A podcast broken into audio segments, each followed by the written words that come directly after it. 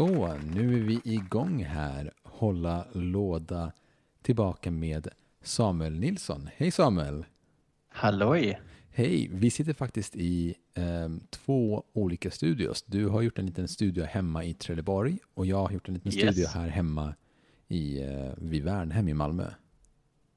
Så det är minst två mil mellan oss och ändå kan vi prata med varandra. Det, är- alltså det, det är ju högt, det är te- teknologi. Vad, vad fan har Det är- hänt? Ja, Det är helt sjukt.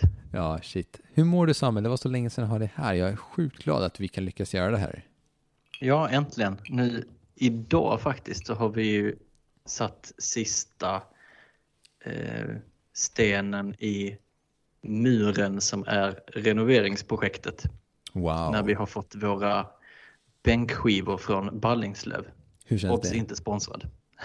Det känns fint. Ja. Så, så, att, så nu är allt med huset där hantverkare ska vara inblandade är färdigt. Så nu är det bara små pill kvar. Gud vad skönt. Alltså det, är en, det är en oändlig hög med småpill. Eh, Men, eh, men det är inget stort eh, enskilt projekt kvar. Men jag har hört, alltså, jag känner till den här myten om att när man väl får ett hus, då finns det aldrig nog med arbete. Det kommer liksom alltid finnas någonting att göra. Stämmer det? Ja, det stämmer. I, igår till exempel så tog jag bort eh, 30 meter antennkabel som har suttit utanpå huset. Wow. För att den var gammal.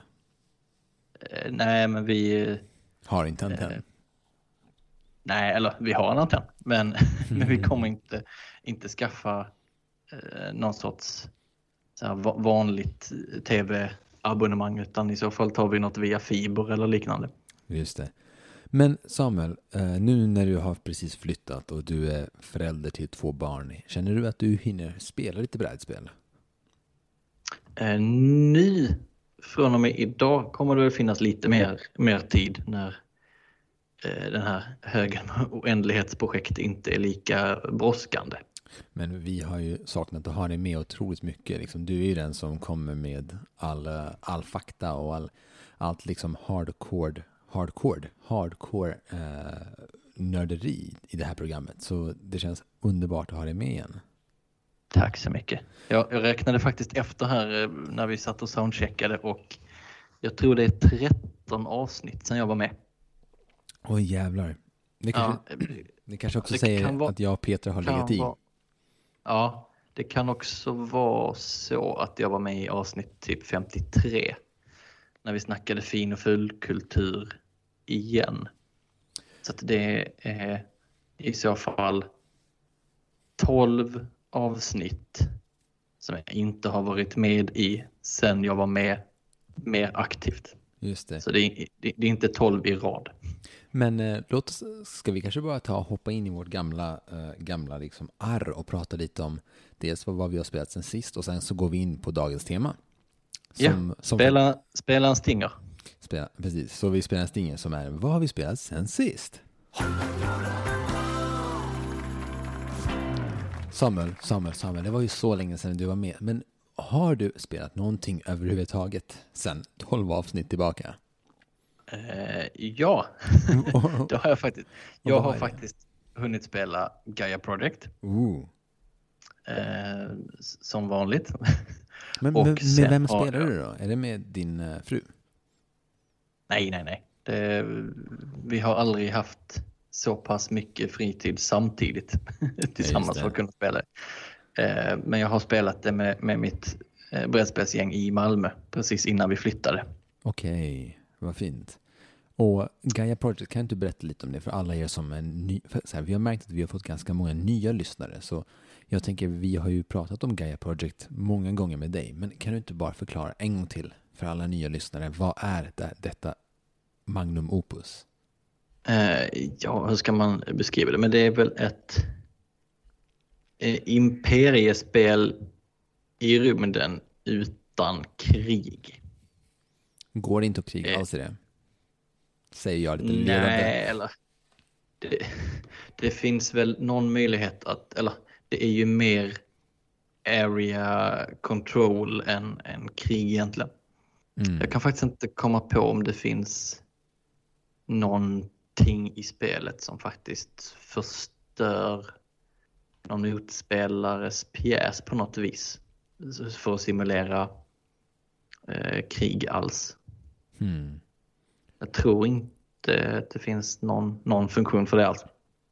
Eh, så det är eh, konfliktlöst om man så säger. Just det. Men, Eh, Där det går ut på att med sin rymdras, som man, vi kan kalla det, ta över så stor del av galaxen som möjligt i, i enkla drag. Och sen har ju alla, alla raser har ett väldigt unikt sätt att få poäng och få igång sin eh, motor så att säga. mm. Så att det. det är väldigt, alla spelar på väldigt olika villkor och även om det mest handlar om att sitta och lägga sitt eget lilla pussel så är det väldigt stor, eh, eller väldigt stor påverkan vad de andra har för raser och var, var de kan ta sig. För det finns, i grundreglerna så får det bara plats en per planet och du kan inte ta dig så hur långt som helst utan du måste hoppa eh, planet för planet. Så det går väldigt lätt att blockera varandra. Och Och det ska därför måste man ha precis. stenkoll på vad de andra gör.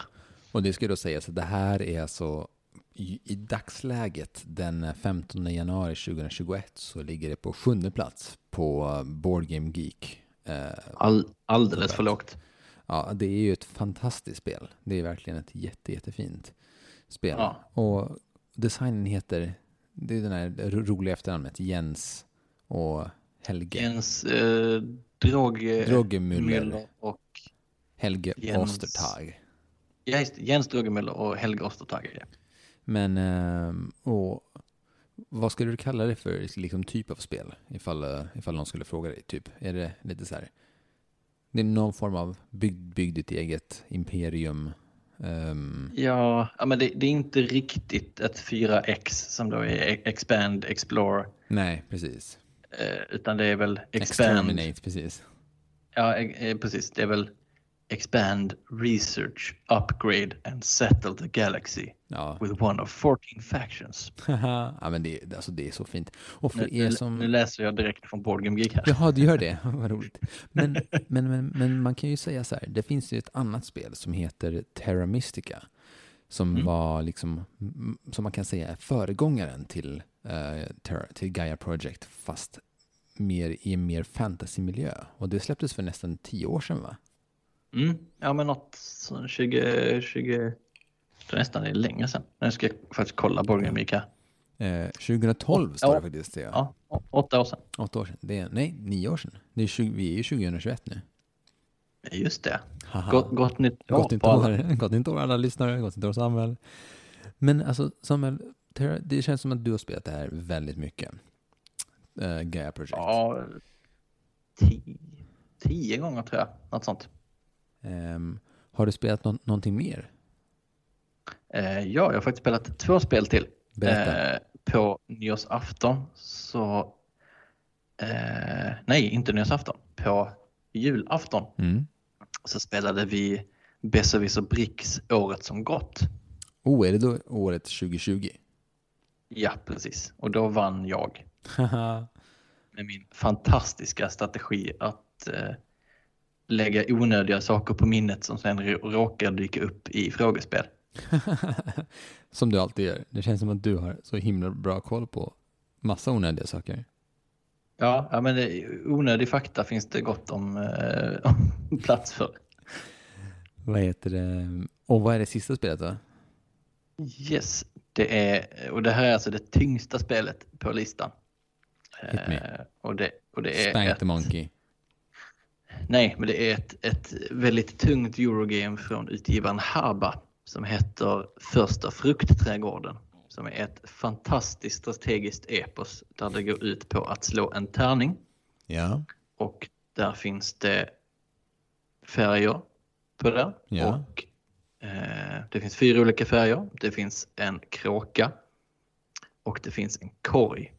Och sen finns det då fyra olika fruktträd med fyra frukter på varje. Och slår man till exempel grön, då får man ta en grön frukt Ja. och lägga den i korgen. Och sen är nästa spelares tur. Och om man råkar slå en kråka så hoppar den ett steg på kråktracken. Och när den har hoppat längst upp i kråktracken så har alla spelare förlorat.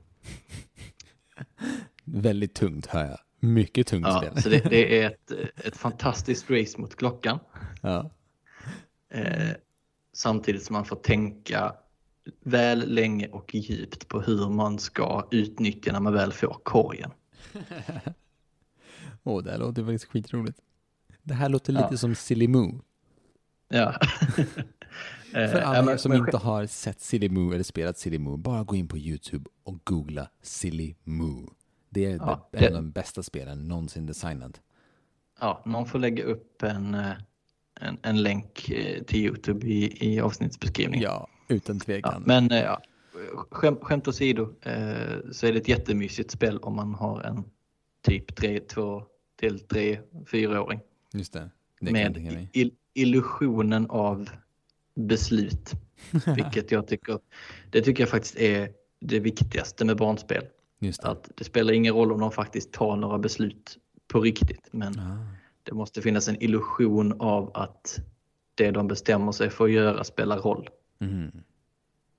Eh, för det, det tror jag är, är utvecklande och gör att det blir lättare att ta till sig dels andra spel och att ja, lite konsekvenstänkande. då. Att Just det.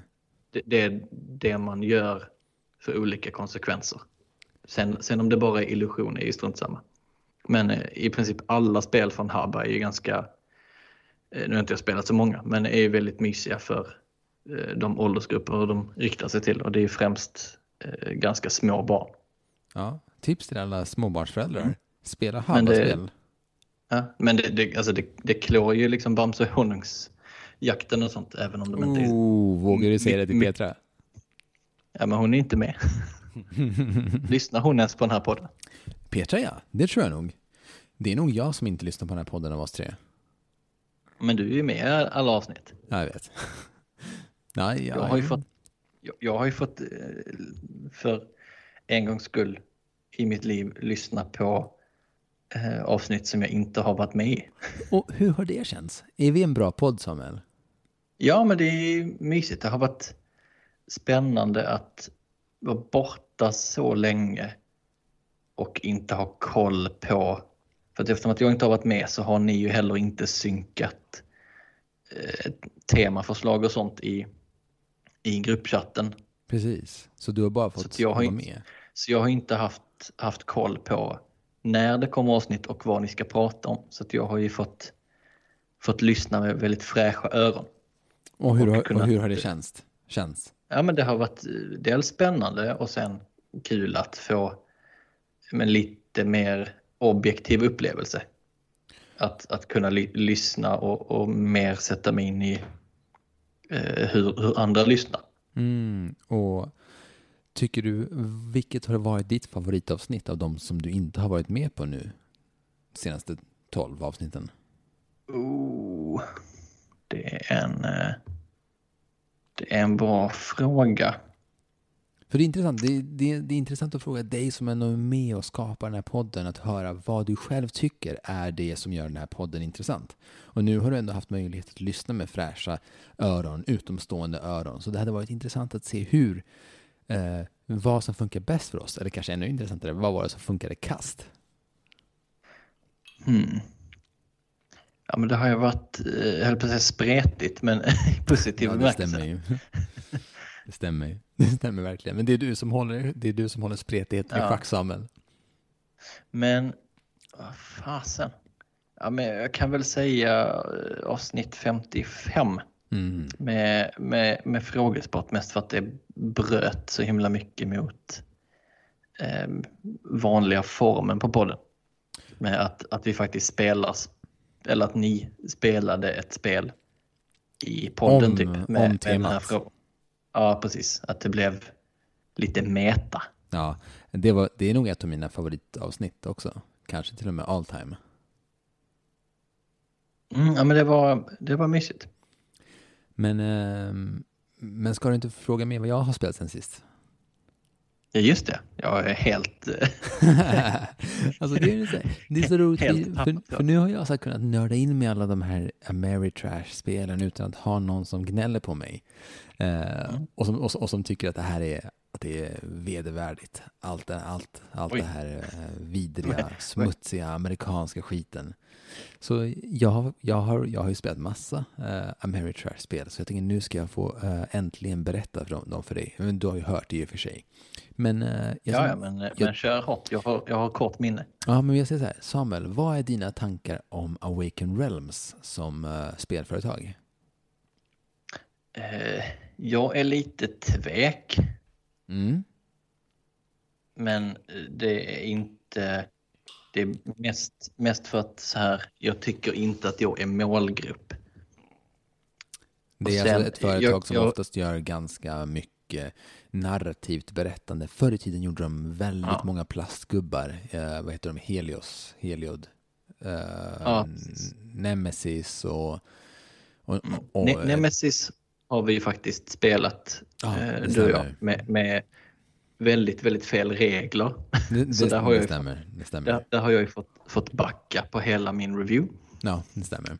Eh, och till och med raderat bort den från Board Game Geek. Ja, eh, men, så, så, men, men, men, men Nemesis tycker jag faktiskt på, på riktigt eh, är liksom ett, ett intressant spel. Men just eftersom att så narrativa spel är så temaberoende. Mm. Men typ Etherfields och visst var det de som gjorde det här King Arthur?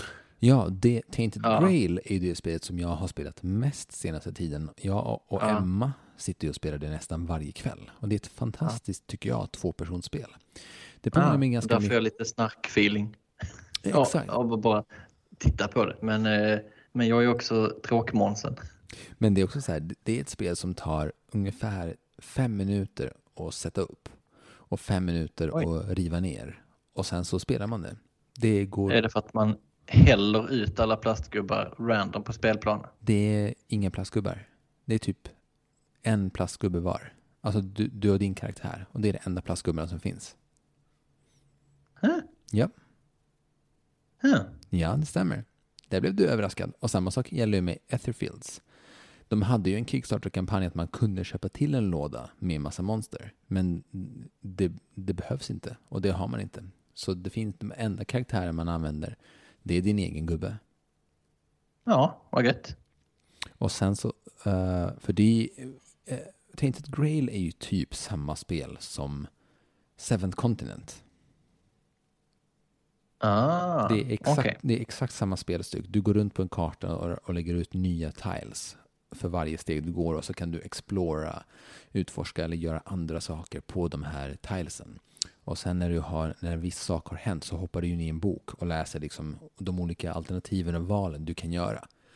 Men till skillnad från det jag upplevt, för jag har också spelat Seventh Continent, den största skillnaden är att det finns oftast många, många fler val. Men också är många av valen låsta. Eh, om du inte har utfört andra handlingar. Vilket gör att du först liksom glider iväg långt bort och sen så löser du massa saker och sen får du liksom backtracka och gå tillbaka för att låsa upp de här grejerna du, du inte gjorde. Eller så behöver du inte det, utan det blir lite som sidequests. Vilket har, gjort ah. det, vilket har gjort att det här är ju i princip det närmsta jag kan komma till ett open world-brädspel. Där du själv väljer liksom vilken väg du ska göra, vilka missions du ska göra. Och det tycker ah, jag... Okej, okay. mer, mer, mer öppet än, än Gloomhaven som ändå... Gloomhaven är, är inte öppet. Alltså det, det, Nej, apropå, det väl... apropå skapa illusionen om uh, frihet så, är nog, så tycker jag att det är det Gloomhaven gör. Gloomhaven ja, är ju ett, är väl mycket, ett fantastiskt ja, Gloomhaven spel. Är väl, eh, är väl väldigt korridorigt. Det stämmer. Och även den här, här, det enda man får välja i Gloomhaven är, ska du göra det här uppdraget eller det här uppdraget? Men jag tror att Gloomhaven skapar en fantastisk illusion av frihet. Medan jag upplever i Tainted Grail, um, alltså absolut är det också en illusion av frihet, för det finns ju liksom egentligen inte, men i Tainted Grail så är det åtminstone en, ett mycket större val hur du ska gå, vart du ska, för liksom varje steg du gör så går du åt ett annat håll på kartan. Medan Gloomhaven väljer bara ett uppdrag och sen utför du uppdrag, uppdraget och sen är det slut. Mm. Så det visste du inte? Nej. Det är därför jag har dig så, så behöver jag inte lägga tid på, på, eh, på sådana spel så kan du cherrypicka. Och sen så baserat på vad, vad du säger så bildar jag en uppfattning och sen eh, så kan jag sitta med mina träpluppar och, och mysa i ett tjurigt hörn. Men ehm, till exempel så har vi ett annat spel som heter The Edge Dawnfall som de också släppte, apropå många plastgubbar, som var ett väldigt mediokert spel, skulle jag säga. Ja, men det är väl nog det jag blandar ihop med Etherfields på grund av begynnelsebokstaven. Ja, just det. Väldigt, väldigt mediokert spel. Ehm, lite så här Warhammer-stuk liksom. Men mm, fast i brädspelsformat. Så här, snygga gubbar, ganska platt spel. Aha, trist. Ja, men hej, någon måste göra sådana spel också. Ja, jo, jo det, det finns ju... Alltså, allt kan inte vara bra. Nej, precis. För då skulle... För det vore inte, det vore inte rimligt. Det, det är samma som med, med film. Det behövs lite dålig film också. Ja, det är klart. Men, eh, men apropå det här, Samuel. Jag tycker att vi går in på dagens tema som är gener generella nyheter. Woo! Så vi tänkte prata lite om så här, nyheter generellt. Vad som händer i brädspelsvärlden år 2020 och 2021.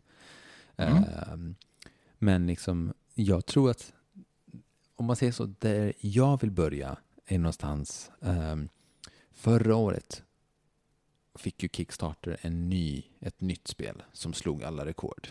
Eh, och det var ju Frosthaven. Ja, Jag, har, jag läste även nyligen att eh, 2020 har ju toppat alla år tidigare när det kommer till hur mycket pengar som människor har lagt på brädspel. Det vill säga det, Ja. det ökar radikalt. Men 2021 är ju då året alla de här spelen fak- faktiskt släpps. Eh, Mm. Och så om 2020 var året de alla inv- investerade galet mycket pengar så är ju 2021 det året de här spelen faktiskt kommer. Och det är allt från det svenska Drakborgen, reprinten, till eh, Frosthaven. ja, Och eh, om man ska vara ärlig, liksom, det finns ett gäng spel, till exempel eh, det här Darkest Dungeon och eh, vad tusan hette det här eh, som byggde på det här spelet, Frostpunk.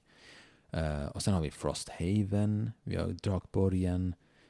Det var det här, och det här spelet med månen, när man åkte i, åkte i raket som också blev jätte, jättepopulärt. Min- Minns du vad det var? Vad det hette? Moonray. med månen. Ja, man åkte ut i rymden. Astronomy, astronom, astro, ray. Ja, ja. Hur många av de här Ja. spelen tror du Samuel faktiskt kommer vara bra? Och hur mycket gimmick tror du att det här är av de här lyckade Kickstarter-spelen? Eh, ja, och det är ju svårt att säga, men om jag ska utgå från, från min smak så känns det ju som att 90% av alla spel på Kickstarter är, eh, jag ska inte säga skräp, Mm. men eh, och, och, och då räknar jag också in ja, men spel som kanske är bra, men där det har funnits för lite Alltså pro- problemet med Kickstarter är ju att det är egentligen till för att vilken jöns som helst ska kunna slänga upp eh, liksom, ett, ett spel som är illustrerat i Paint och sen ska folk se igenom det och tänka, finns det något här på riktigt? Slänga in pengar så att det går att anställa en illustratör och så ska det här bli bra någon gång. Men det här är ändå bland Men- världens större brädspelsföretag. Där, som har lyckats Ja, med sina Och Kickstarters. det är det, ja, och det, är det som är, är grejen att de som redan kommer in med typ en färdig produkt och använder Kickstarter som eh, ett smidigt sätt för pre-orders. Just det. De gör ju att alla de här andra spelen som, som ser ganska muggiga ut för att det, det finns ju jättemycket intelligenta människor där ute som är duktiga på att göra spel. Ja. Men de, de överskuggas ja. ju av, av det här som redan ser häftigt ut. Så jag tror att det är väldigt mycket spel som har potential som inte blir till. Och istället så läggs pengarna på spel som ser coola ut men som eh, innehåller för lite substans. och det här är ganska intressant tema egentligen generellt, för det du pratar om är ju egentligen någon form av fin och ful kultur. För det handlar ju också om så här, vem är det som köper spelen och vem är det som konsumerar dem och varför man gör det. För det du pratar också om är liksom, det går att dra en jämförelse till att till exempel Frosthaven eller vad, vi, vad ska vi kalla dem, um, det gjordes det här, Awakened Realms släppte ett nytt spel nu, ISS Vanguard, som också blev en sån megahit. Mm. Um, de, är, de här spelen är ju lite som Walt Disney Productions. Och de släpper ja. ju spelen som majoriteten av människorna vill titta på. Och sen har vi speldesigners som typ eh, Fister eller eh, Knizia som släpper spel som är typ som svartvita stumfilmer. Eh, eller så här, typ konstfilmer. Eh, som en mycket, mycket mindre skara spelar på, äh, spelar och som känns mycket mer svårtillgängliga.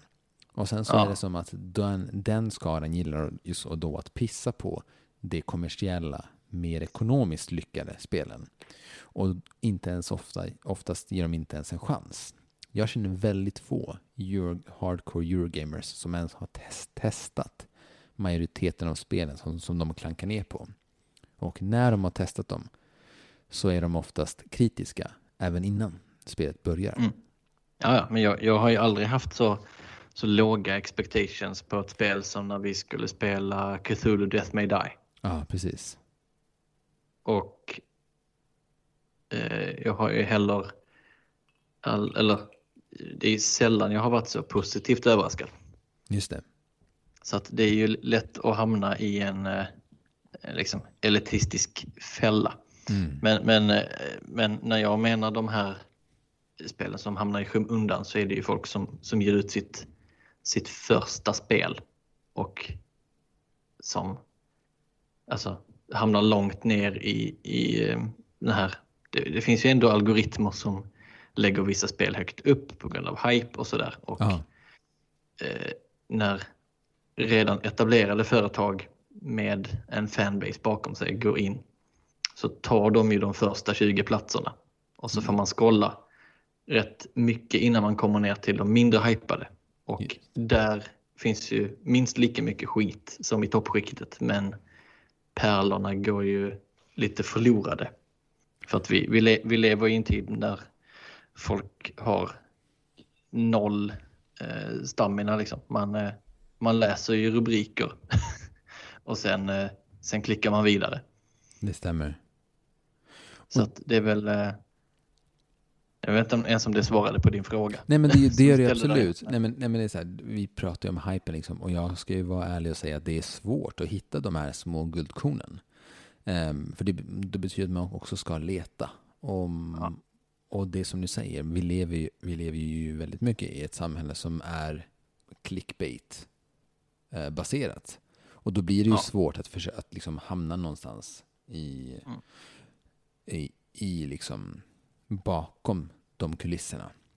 Uh, mm. Så det är kanske är ett uppdrag vi borde ta på oss en dag. Där vi bara liksom tipsar om Kickstarter-spel som, som har hamnat i skymundan. Men vi genuint tror skulle vara fantastiska. Mm. Ja men uh, absolut. Jag har faktiskt kickstartat ett spel i år, höll jag på säga, men, men förra året. Berätta. Jag har kickstartat kortspelet Moralpanik av eh, komikern eh, Ola Aurell. Okej, kul. Som också, eh, minns inte om han var själv på det eller om det var någon annan designer. I så fall ber jag om ursäkt. Eh, kortspelet om Thomas Quick för ett par år sedan. Okej, kul. I, eh, och sen eh, så gjorde han och eh, Isak Jansson en, en turné om, om Quick-skandalen något, något år senare. Just det. Så att, eh, och det, det är ju ett spel som jag bara köpt på premissen komiker jag tycker om eh, och, och därför, därför köper jag det. Just det. Men när, när Så, får du det? Uh, ja, jag sitter faktiskt och kollar här i, i. Och Men medan du kollar så... Det är, no, någonting har gått vajsing med någon leverans från Schweiz. Ja, men det gör ju alltid. Det, det måste vi räkna med. Um, som vi nämnde i avsnitt tidigare, 2001, besvikelsernas år. Ja. Men medan du kollar på det här så, så vill jag fråga dig. Eh, Teu Tehuinikan. Eh, Ja. Är eh, Tawan Tinsuyu en uppföljare till det spelet? Eller är det bara ett annat spel som har tagit ett jättesvårt namn som börjar på T och gjort ett brädspel av det? Ja och nej är det, är det korta, korta svaret där. Berätta. Nej men eh, det är ju även eh, liksom eh, det här klassiska, oh det här spelet gick bra, då gör vi ett nytt spel som heter bla bla bla, ah, bla bla bla bla game. Ja, Eh, ja, som- just det. Som, som eh, är liksom klassiskt, men det sker ju i, i, inom all, all kultur, alltså film och, och musik och sånt också. Eh, och nu har det börjat krypa, eller de tendenserna har börjat synas i de lite, lite mindre företagen också. Just det. Att oh, nu gick det bra med det här temat och då gör vi ett spel som är lite, lite likt. Eh, och eh, och liksom kör vidare på det. Sen, Eh. sen är det ju inte, sen är det ju, eh, inte alltid, eh, of- ofta är det ju samma designers och då det, har de väl, sen vet, alltså de kanske har haft en, en, en till idé som har varit liknande eller, oh men alla de här 50 mekanikerna som inte kom med i spelet, Just det. vilka av dem kan man pussla ihop och få ett nästan lika bra spel? Eh, men däremot så är det ju, eh, vad heter det? Tekkenu Obelisk of the Sun är Ja. väl lite mer eh, en uppföljare. Också med, med tärning. Aha. Också att bygga, bygga monument. Och det, det är ju samma eh, designer. Och sen har eh, David Turci ja, just som det. det säkert som har- uttalas. Ja, men det är han da Tawan in i Jutsu. Ja, eh, ja, precis. Och Det är ju det här eh, italienargänget med Tacchini och eh, ja, Ja. Alla, alla, he, alla heter som italienska pastarätter. Och sen, ska vi se här, han är från Ungern och sen har eh, David Turci som har gjort, vad heter det spelet nu? Som också är från Board and Dice. Det här Mars spelet som Mm. jag inte minns namnet på. Eh, han har ju varit med och gjort solo ehm, reglerna i några av deras spel och nu har de börjat samarbeta mer. Han har gjort Anachrony och eh, Dice Settlers heter det. Ja, inte alls- just det. det ja. just det. Det, ja, det har inte alls med, med Mars att göra. Nej. Och Mm. sen har han också gjort det här eh, Taiwan Tisu Ja, eh, ett spel som jag har tänkt mycket på eh, på Mm. senaste tiden, det är det här solospelet Under Falling Skies. Känner du till det? mm, Från Check Games. Ja, precis. Eh, Mm. Det ser lite nice ut. Ja, det har framförallt, framförallt blivit väldigt hypat också. Men Mm. eh, det är något som jag har spanat på ganska länge nu. För det är typ så här massa aliens släpper ner rymdskepp från yttre rymden och, och du ska typ skjuta ner dem. Eh, men det är ett single player-spel. Ja, och det är lite... Space Invaders-aktigt. Ja, det är lite, jag höll på att säga,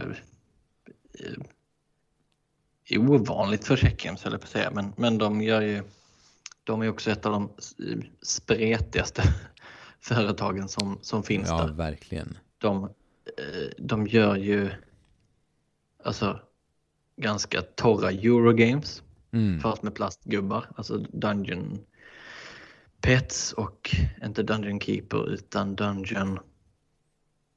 Vad heter det? I don't know. Varför kommer jag inte ihåg det? Men Dungeon Pets och Dungeon... Hmm. Eh, som är liksom... Det, det är ju Eurogames fast med plastgubbar och, och gullig grafik. Ja.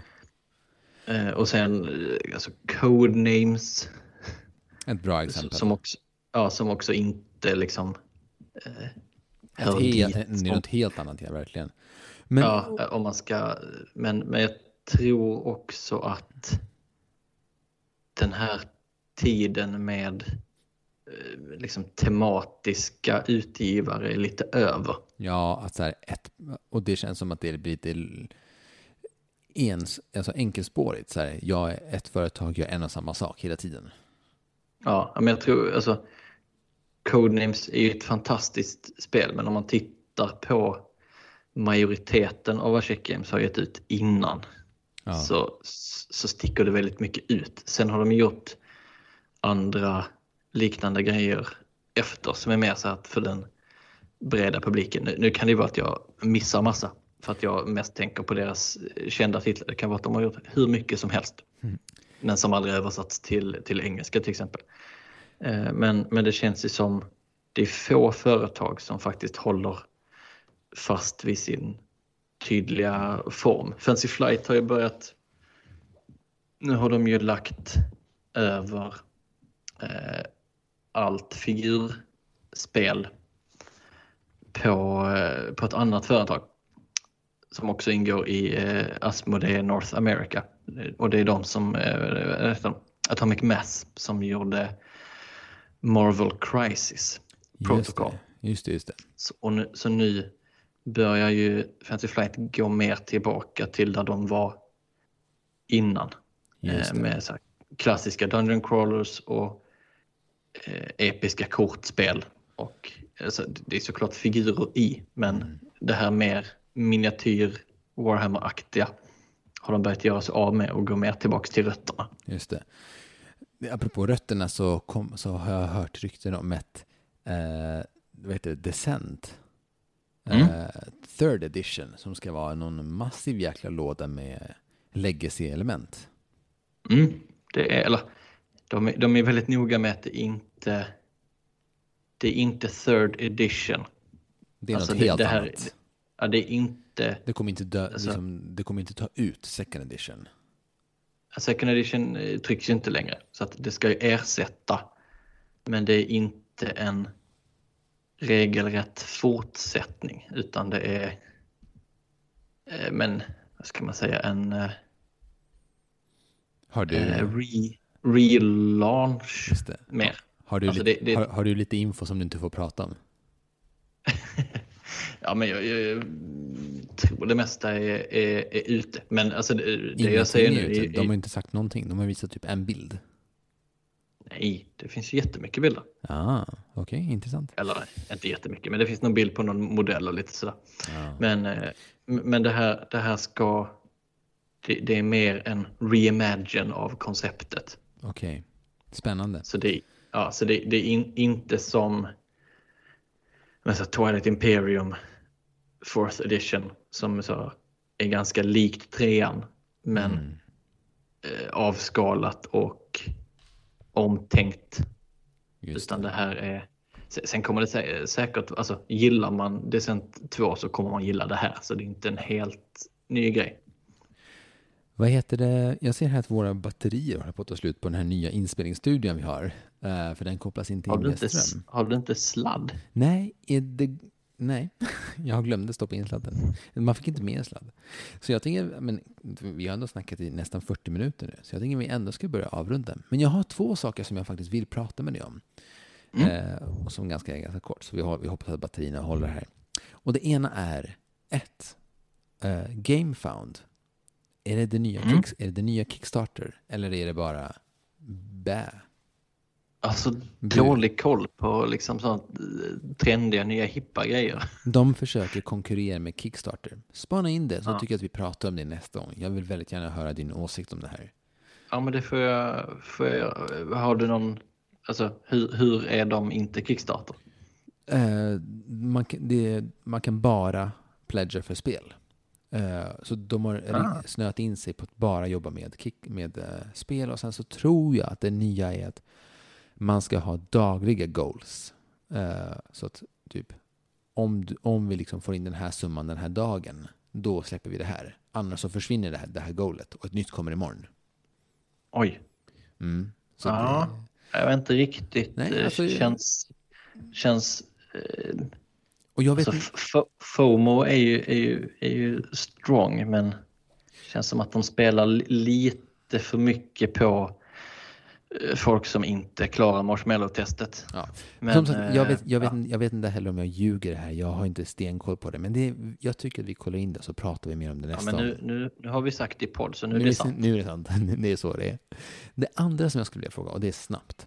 2020s Mm. bästa spel, tycker du, nya, och 2021 mest hypade.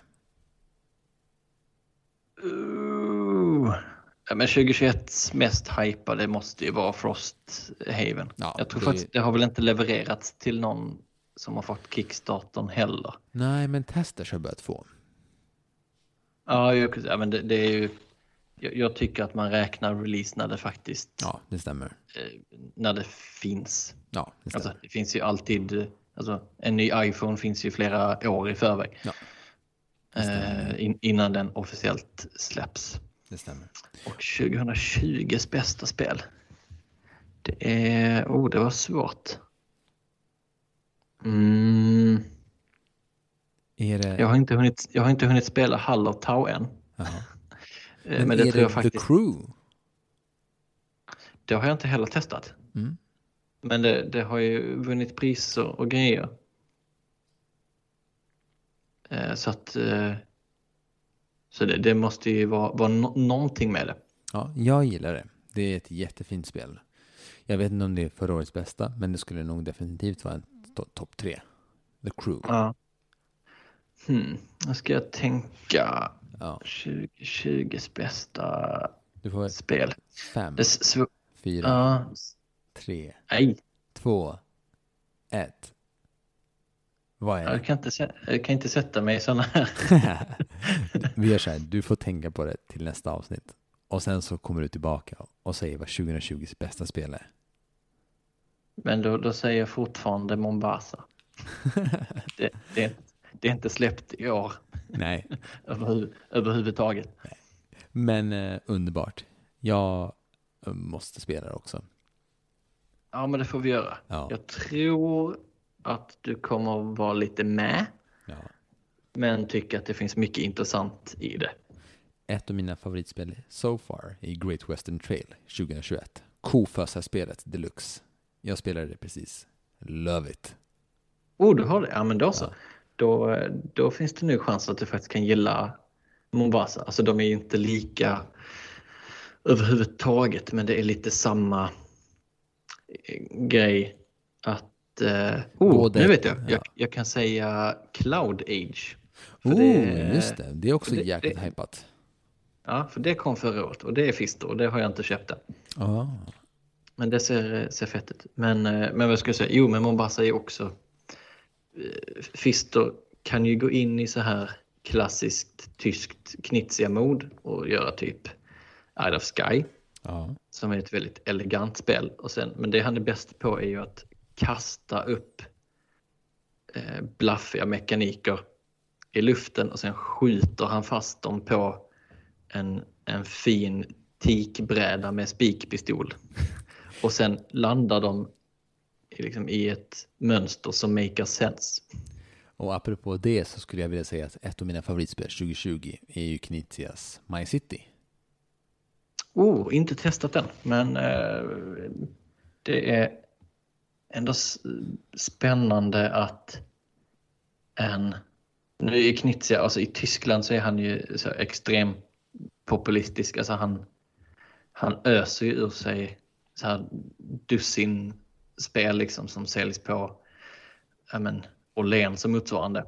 Ja. Eh, alltså, som rikt, alltså spel som bara riktar sig till eh, vanligt eh, folk liksom. Just det.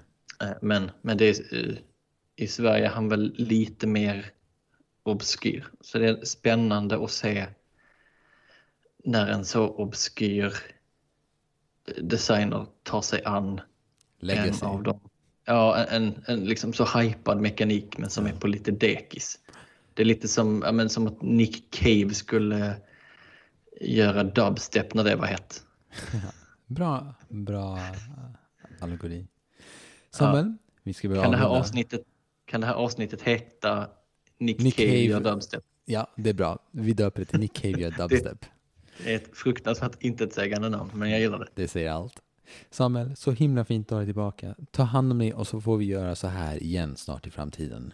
Det får vi göra. Hoppas Så- att det blir bra ljud och sånt. Det blir Men det det. märker vi. Ha det bäst. Hej, tack för att ni lyssnade. Hej då! Wow.